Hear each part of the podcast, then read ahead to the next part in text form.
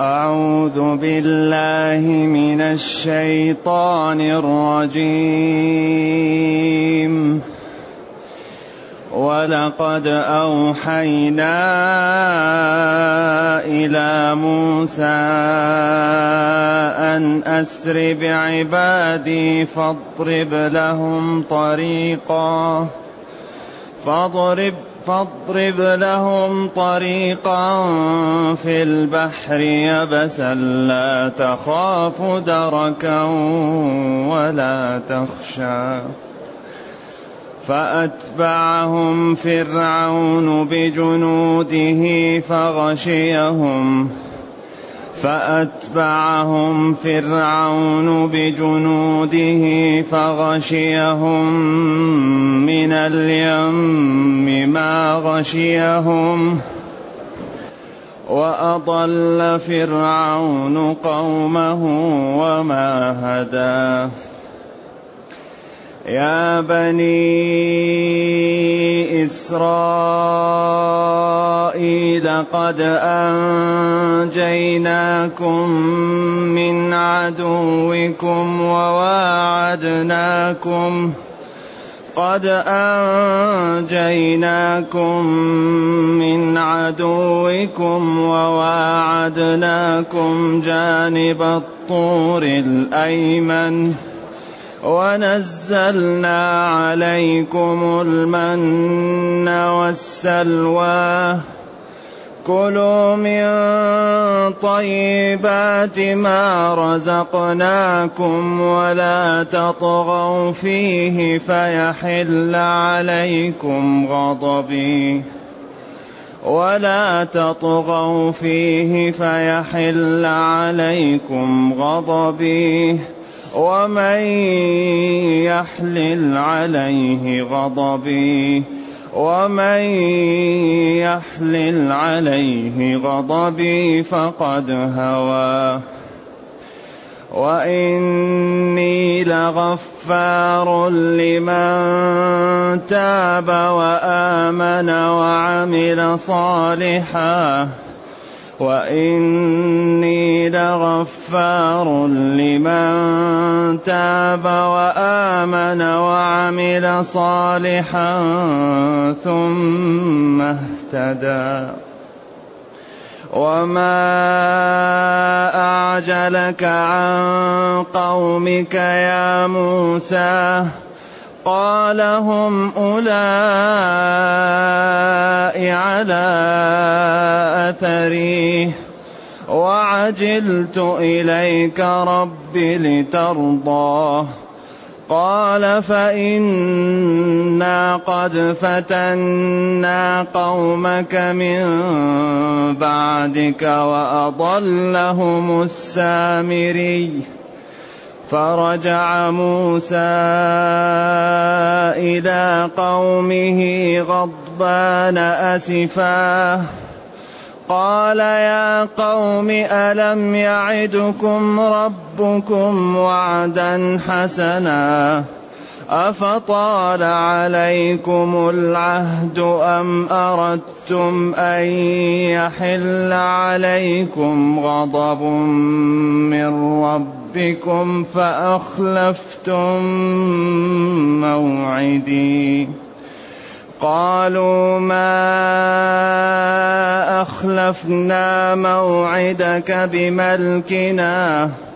ولكنا حملنا أوزارا من زينة القوم فقذفناها فقذفناها فكذلك ألقى السامري.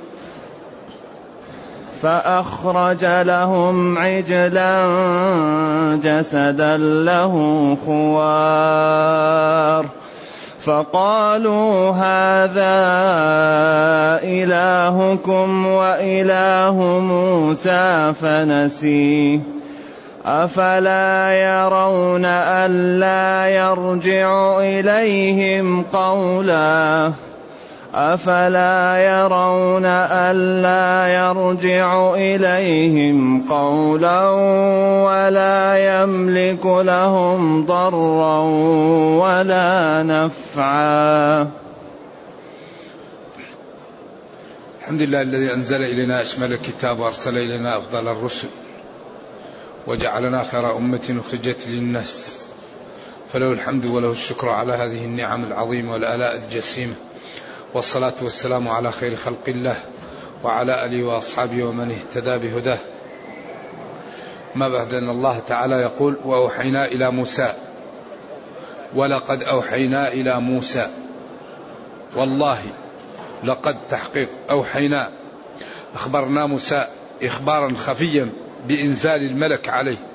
وقلنا له أن أسري بعبادي أن مفسرة أو مصدرية. والله لقد أوحينا إلى موسى وقلنا له أن أسري بعبادي لأن أن المفسرة قبلها معنى القول ليس حروفا. والسراء المشي في الليل. إذا مشى الإنسان في الليل يقال سرى و و وفي الصباح يحمد القوم السرى وهو مشي الليل. أيوه. أنسري يعني أمشي ليلا. بعبادي يعني بني إسرائيل. بعدين قال فاضرب لهم طريقا في البحر. تكون هذه الطريق يبسا أو في حال كونها يابسة. يعني لا طين فيها ولا بلل ولا ماء. ولذا هنا القصة طواها. وفصل في الشعراء فقلنا اضرب بعصاك البحر فانفلق. ولذلك تكرار القصص من فوائده بيان صدق القرآن على اختلاف أساليبه وفصاحته وبلاغته وإعجازه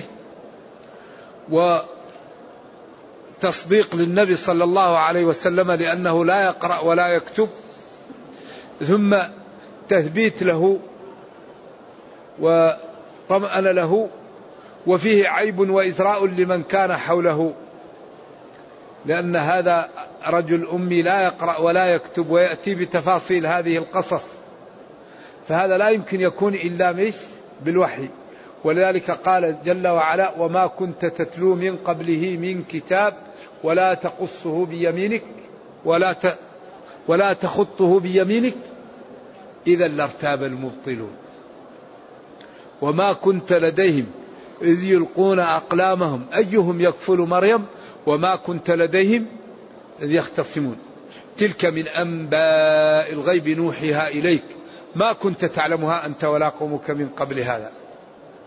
فهذه القصص فيها من الفوائد أنها تدل على بلاغة القرآن ولا إعجازه وعلى صدقه وعلى تثبيت النبي صلى الله عليه وسلم وعلى عيب من كان حول النبي صلى الله عليه وسلم من أهل الكتاب لأنهم يعلمون أن هذا لا يكون إلا من يوحى إليه.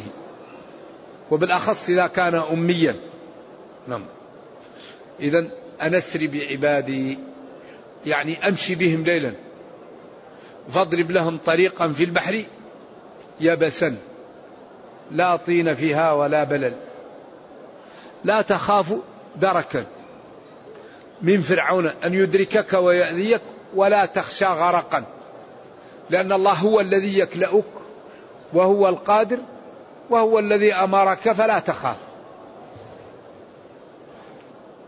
فأتبعهم فرعون تبع فرعون بني إسرائيل بجنوده. قيل كان عنده جيش عرمرم. بعدين اختصر قال فغشيهم غشيه إذا لبسه. اليم البحر. من اليم ما غشيهم.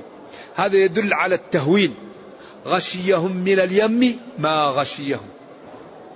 يعني أهلكهم البحر بما أهلكهم به. غطاهم. دخلوا حتى إذا كان آخرهم في البحر وأولهم لم يخرج التطم عليهم البحر.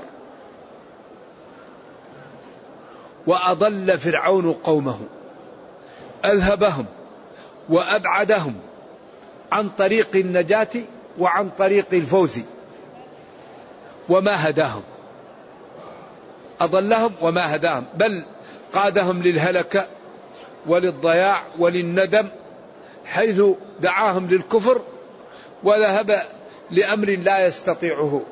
وأضل فرعون قومه وما هدى وما هداهم بل أغواهم وأوقعهم في الهلكة. ثم قال يا بني إسرائيل يا بني إسرائيل يا أولاد يعقوب قد أنجيناكم من عدوكم فرعون قد أنجيناكم من عدوكم وواعدناكم جانب الطور الأيمن عن موسى. أن تأتيكم التوراة أو يكلمكم ربكم وأنزلنا عليكم المن وهو ونزلنا عليكم المن. نزلنا من الله تعالى المن وهو شراب كالعسل أبيض والسلوى وهو طائر يشبه السمان. وقلنا لكم كلوا من طيبات حلالات ما رزقناكم ولا تطغوا فيه ولا تدخروا لغضب ولا تعملوا المعاصي. ومن جملة المعاصي أن تدخروا مما ننزل عليكم. كلوا بس واتركوا الباقي. فيحل عليكم غضبي أو يحل عليكم غضبي. ومن يحلل يحلل عليه غضبي فقد هوى فقد هلك. وأوبق نفسه. وإني الله يقول وإني لغفار. كثير المغفرة لمن تاب وآمن وعمل صالحا ثم اهتدى. إذا هذا يشير إلى شروط الغفران. وإني الله يقول وإني لغفار كثير المغفرة. لمن؟ لمن تاب. وآمن. وعمل صالحا واستقام على الخير حتى مات. اهتدى يعني استقام حتى أدركته الموت وهو مستقيم غير منحرف. غفار الله كثير المغفرة. لكن لمن تاب؟ التوب هو الرجوع والتوبة شروطها ثلاثة. اثنان بيد العبد وواحد ليس بيده. أول شيء الإقلاع. ثاني شيء أن ينوي أن لا يعود. ثالث شيء من تمام التوبة وجمالها الندم. لكن العبد لا يملك الندم. والله لا يكلف نفسا إلا وسعها. فإن ندم الحمد لله. وإن لم يندم لا يكلف الله نفسا إلا وسعها. لكن يملك يقلع على طول وينوي أن لا يعود. الغفار كثير المغفرة لمن تاب. ولذلك التوبة تجب ما قبلها. ينبغي للإنسان أن يكثر التوبة. أما الذي لا يبالي وإذا قلت له يا عبد الله اتق الله فيقول لك أدعي لي أو أدعو لي. عجيب. لما لا تنام في البيت وتقول أدعو لي إن الله يرزقني. تجد الناس تتكل في الدين لكن في الدنيا كل واحد يروح لعمله. أي واحد ما ينام في البيت ويقول إيش؟ روح يشتغل والناس لكن إذا قلت له الصلاة أو الصوم أو ترك أعراض الناس يقول لك أدعو الله لي. طيب ندعو الله لك لكن أنت أيضا أجعل الدين مثل الدنيا. كما أنك تتسبب للدنيا تسبب للدين. تبحث عن الرزق وتبحث عن العيش وتعالج أولادك وتحاول أن يكون لك بيت ويكون لك مال. كذلك حاول أن تكون لك حسنات. وأن تترك الحرام وأن تأتي للواجب ولا تضيع الدين فاعمل للدين كما تعمل لمالك ولنفسك أولادك ومالك. إنما أموالكم وأولادكم. فلا تجعل المال أقل من تجعل الدين أقل من المال والأولاد. إذا يقول جل وعلا فقد هوى هوى هلك وقع في الورطة. وإني يقول الله تعالى وإني لغفار. كثير المغفرة لمن تاب رجع عن المعاصي وآمن لأن الذي لا يؤمن لا تقبل توبته وعمل صالحا يعني أكثر حسنات. ثم استقام اهتدى استقام على ذلك حتى أدركته الموت. ولذلك الله يقول قل يا عبادي الذين أسرفوا على أنفسهم لا تقنطوا من رحمة الله. إن الله يغفر الذنوب جميعا. إنه هو الغفور الرحيم. وأنيبوا إلى ربكم. وأسلموا له من قبل أن يأتيكم العذاب ثم لا تنصروا. كان نبينا يقول رب اغفر لي. اللهم تب علي. أستغفر الله. فلذلك يعني الذي لا يخاف من ذنوبه ويغتر بأعماله هذا يكون سببا في إحباط العمل. أكبر ما يضر الناس الاغترار بنعم الله بإعطائه للعبد بالفسحة له أو يغتر بطاعته. بعض الناس يكون عنده عبادة لكن ما يكون عنده علم فيغتر بالعبادة فيحبط عمله. ذلك إبليس قال لن يخلق الله خلقا أفضل عليه مني. قال له اخرج منها مذءوما مدحورا. جاءه الكبر ولما قال اسجدوا لآدم قال أنا خير منه. فذلك ينبغي للعبد أن يتوخى طاعة الله ويخاف من أسباب سخطه. ثم إن موسى تقدم قومه ليعطى التوراة أو ليعطى ما طلب. ثم قال تعالى وما أعجلك عن قومك يا موسى؟ ما الذي أعجلك وأتيت قبلهم وتركتهم خلفك؟ قال ربي هم أولئك على أثري هم يتبعونني ولكن قدمت للاشتياق للقياك ولترضى عني لأني أسرع وأبادر لأن يعني ألقى ربي وعجلت إليك ربي لترضى ليكون ذلك سببا في رضائك عني وطاعتي لك. قال الله لموسى إنا فإنا قال له ربه فإنا قد فتنا قومك من بعدك أوقعناهم في الفتنة. وهذه الفتنة هي إضلال السامري لهم. قيل السامري هذا هو موسى الذي رباه جبريل. وأمه خافت عليه أن يذبحه موسى أن يذبحه فرعون. فأخذته ورمته في كهف. فيقال أن جبريل كان يأتيه بإصبعه فيرضع من أصبع اللبن وأصبع العسل وأصبع إيش؟ الماء. هذا في الإسرائيليات فهذا السامري كان يعرف جبريل أنه يأتيه ويغذيه. ولذلك قالوا موسى الذي رباه جبريل كافر وموسى الذي رباه فرعون مرسل. إذا الله هو اللي يمن على من يشاء. لذلك التربية فائدتها قليلة وإنما الذي ينفع ما كتب الله للعبد شقي أو سعيد. فكم من عالم يكون ولد ضال وكم من جاهل يكون ولد صالح.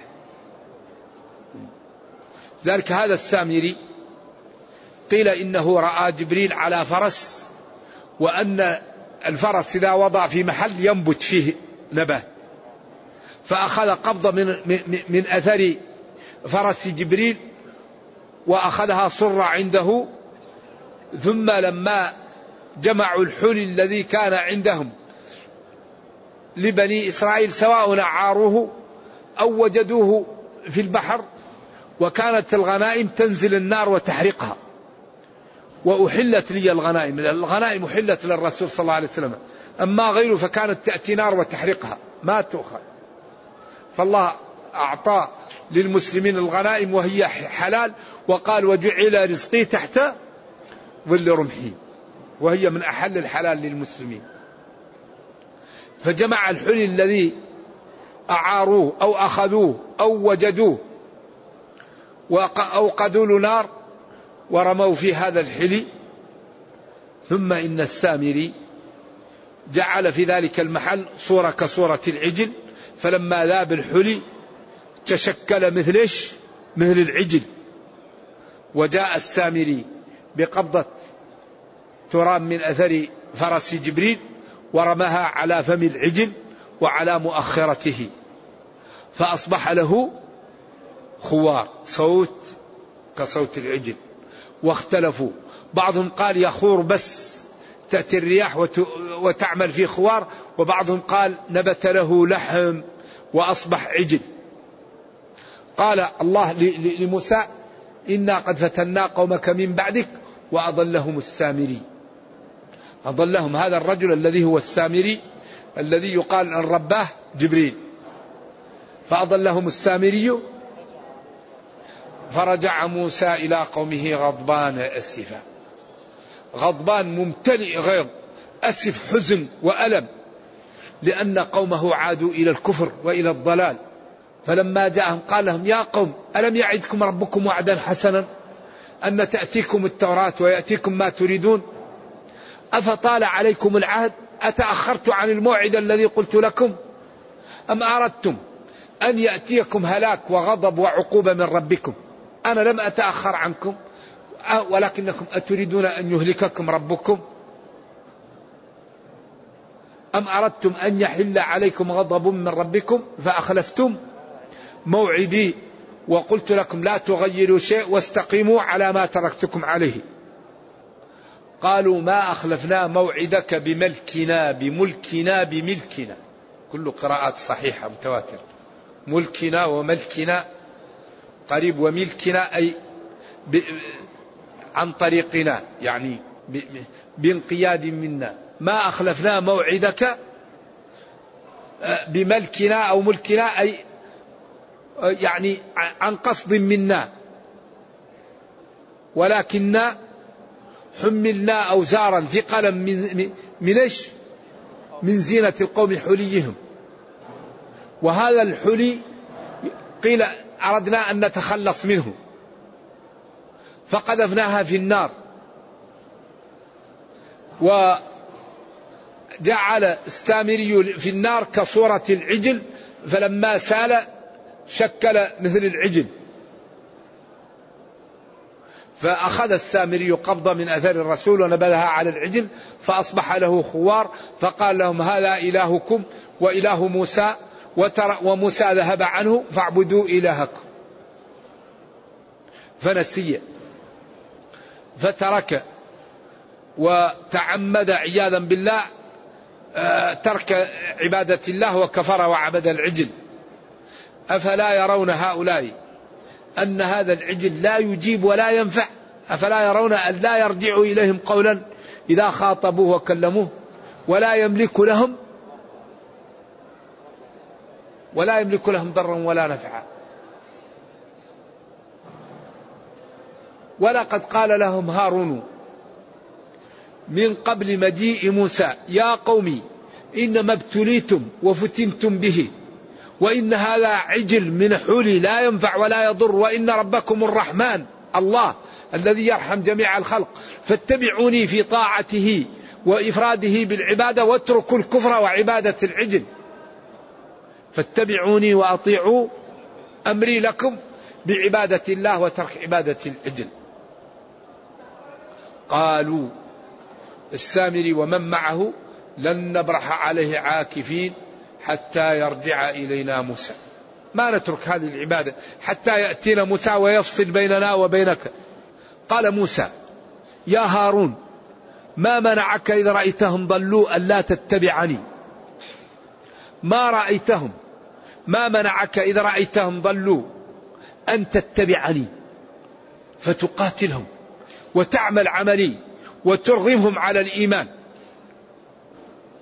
أفعصيت أمري فيما أمرتك به أنك تستقم على الدين ولا تحدث شيء؟ قال ابن أمة. أيوة. قال يا ابن أمة وهذا نوع من من الاستعطاف والاستمالة. لا تأخذ بلحيتي ولا برأسي.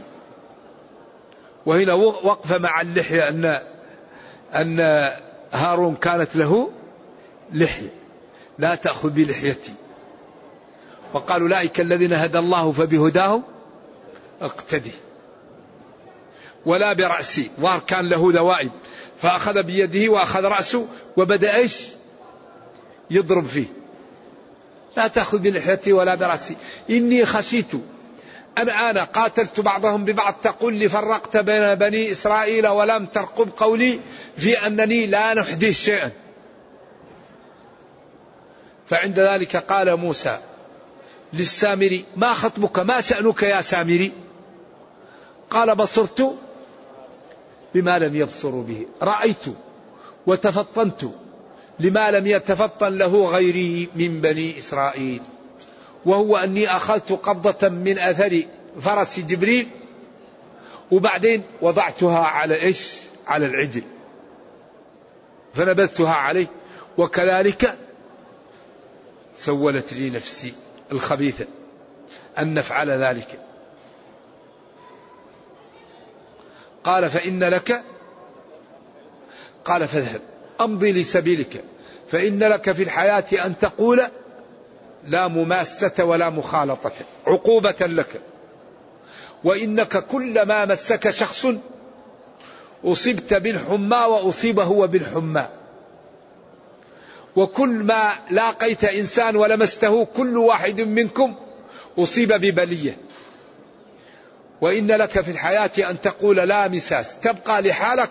وكل ما رأيت واحد تقول لا مماسة لا مخالطة. وإن لك موعدا لن تخلفه لن يخلفه الله. ستأتي به وتأخذ جزاءك. وانظر إلى إلهك الذي ظلت عليه عاكفا. ظليت أنت وجماعتك واستقمت على عبادته لنحرقنه ثم لننسفنه في اليم نسفا. لنحرقنه قيل إنه برده. وقيل حرقه وقيل ذبح العجل ثم حرقه ثم يعني ذراف في البحر حتى لا يعبد ثم لننسفنه في اليم في البحر نسفا حتى لا يبقاه له أثر. ثم قال إنما إلهكم الله الذي لا إله إلا هو.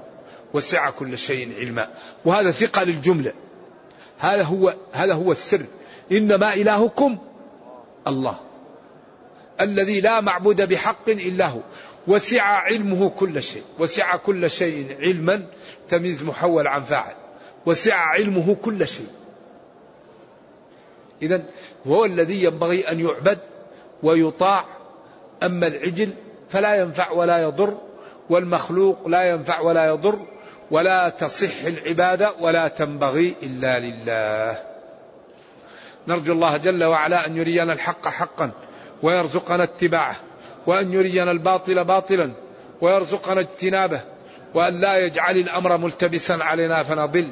اللهم ربنا آتنا في الدنيا حسنة وفي الآخرة حسنة وقنا عذاب النار. سبحان ربك رب العزة عما يصفون وسلام على المرسلين والحمد لله رب العالمين. والسلام عليكم ورحمة الله وبركاته. على كل حال العقيدة الصحيحة هي التي كان عليها النبي صلى الله عليه وسلم وصحابته. تركت فيكم ما إن تمسكتم به لن تضلوا بعدي كتاب الله وسنتي. فالمعتقد الصحيح هو الذي كان عليه نبينا صلى الله عليه وسلم وصحابته الأخيار. هذا هو المذهب الصحيح. أما ما أحدثه المحدثون واخترعه المخترعون واستحسنه المستحسنون مما هو مخالف للكتاب والسنة فهذا ضلال. الحق ما جاء عن الله. اتبعوا ما أنزل إليكم. والتوحيد هو منقسم إلى ثلاثة أقسام. وإن كان كثير من العلماء لا يقسمه لأن هذا التقسيم استقرائي لأن الله تعالى واحد. يجب علينا أن نخلص له العبادة وهذا يسمى توحيد العبادة أو الألوهية. والله تعالى أوجد الكون وهذا يسمى توحيد الربوبية. كل ما في الكون مربيها الله. فنوحد الله في عبادته ونوحده في ربوبيته. كل ما في الكون هو من الله هو اليعز وهو الذي يحيي ويميت ويذل ويغني ويفقر. فكل شيء من الله. قل كل من عند الله. فما لي هؤلاء القوم لا يكادون يفقهون حديثا. ثم الله جل وعلا متصف بصفات الكمال والجلال. فما قاله الله عن نفسه نقله. وما قاله عنه رسوله نقله. وما نفاه عن نفسه ننفيه. وما نفاه عنه رسوله ننفيه. وما سكت عنه الوحي. نسكت أما الذي يأتي به الناس من أنفسهم يستحسنونه ويستجملونه وهو يخالف الكتاب والسنة فذلك ضلال. ولذلك الخير كله في الاتباع والشر كله في الابتداع. ينبغي أن نتبع شرع ربنا. نعم. يقول لماذا لا يكون الدرس بعد المغرب؟ لماذا لا يكون بعد العشاء؟ نعم. إيه نعم. لأنه بعد المغرب في دروس أخرى وبعدين بعد العشاء يأتي للدرس من يريده. أما بعد المغرب فقد نرغم بعض الناس على الدرس. كن يأتي ليصلي لكن الآن لا يأتي للدرس إلا من يريد الدرس. فائدة الدرس بعد العشاء أنه وقت ما فيهش ما فيه أرغام أدبي. نعم. ما حكم الاستغفار للوالدين أحياء وأموات؟ طيب تستغفر لهم. قل أغفر لي ووالدي أحياء وأموات. كله طيب. رب اغفر لي ولوالدي. نعم.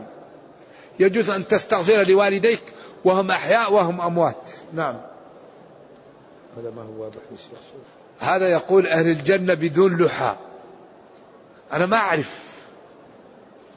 لكن أهل الجنة لا شك أنهم أعمار ثلاثة وثلاثين. لكن كون لهم لحاء أو غير لحاء يحتاج رجوع. لكن اللي أعرف أن هارون كانت له لحية. لأنه قال ابن أم لا تأخذ بلحيتي. وقال أوفر اللحى أسبل اللحى أسدل اللحى. أمرني ربي أن أقص هذا وأترك هذا. وقال أولئك الذين هدى الله فبهداهم اقتدي. وبعدين ندفع ضريبة الدين. كل واحد عنده شيء يدفع ضريبة الدين. خليه يقول لك يا تيس يا مغفل. طيب أنت عبد لمن؟ لله. من سخر منك أنك عندك السنة؟ يوم القيامة مشكل. إن تسخروا منا؟ مشكل. ولذلك الذي يكون عبدا لله الله لن يضيعه. إن الله لا يضيع أجر من أحسن عملا. وكل أمتي معافى إلا المجاهرين. المجاهرة بالذنب خطيرة. من أتى شيئا من هذه القاذورات فليستتر بستر الله. بعدين أنا لو سخر الناس مني أني اتقيت الله ما الذي ينفعني الناس ويضرني؟ ما الذي ينفعني؟ الله. هو الغني هو القادر هو الذي يحميني. أكون عبد لله ولكن لا أذي الناس ولا أتكبر عليها لكن أكون عبد لربي. لا أكون عبد لشهوتي ولا للمجتمع ولا للبيئة لا أكون عبد لله. وما أردت الله يعطيني إياه. نعم. نعم. نعم. كيف أقر الشرك؟ وهو قال لهم ماذا؟ وإن ربكم الرحمن فاتبعوني وأطيعوا أمري. هذا يخاف عليه اللي يقول هذا. وإن ربكم الرحمن فاتبعوني في عبادته وأطيعوا أمري في ترك عبادة العجل. عجيب هذا لا ينبغي هذا. المهم أن ديننا كامل والخير كله في الاتباع والشر في الابتداع البدعة محببة إلى النفوس لأن الشيطان يحبها ولأن صاحبها يأتي بجديد ويقول الناس جاكم بجديد والخير كله في الاتباع. ينبغي لنا أن نتبع ديننا. والقضية ليست بكثرة العمل. القضية بالاتباع والإخلاص. ليبلوكم أيكم أحسن عملا لا فرق بين ريال ومليون عند الله. المهم يكون المال حلال وبإخلاص. قرش وألف سوى عند الله. ولذلك قال أيكم أحسن ما قال أكثر عملا. من صلى ركعتين لا يحدث فيهما نفسه غفر له ما تقدم من ذنبه. ركعتين بس. لم يحدث فيهما نفسه أخلص فيهما وخشع ولم يتعرض للدنيا غفر له ما تقدم من ذنبه. إذا القضية ما هي بكثرة العمل. قضية بالاتباع نتبع ولا نبتدئ ونعلم أن هذا الدين صحيح. ولا نخجل من أن نسأل عما يشكل لنا. ولا نخجل أن نقول لا نعلم إذا كنا لا نعلم. ونسأل عن الأمور التي نحتاجها في ديننا إذا كنا لا نعلم لأن الله جل وعلا يقول فاسألوا أهل الذكر أي أصحاب العلم إن كنتم لا تعلمون. وابن عباس لما قيل له بما حفظت العلم؟ قال بقلب عقول ولسان سؤول. فينبغي الحقيقة أن نجتهد وأخطر شيء على المسلمين البدع. واحد يعمل عيد غير موجود. أعياد عند المسلمين ثلاثة. ما في عيد رابع. الواحد يعمل أذكار لم ترد. يعمل صلوات لم ترد. يعمل عبادات ما وردت. يعمل صوم لم يرد. الصوم محدد. العبادات محددة.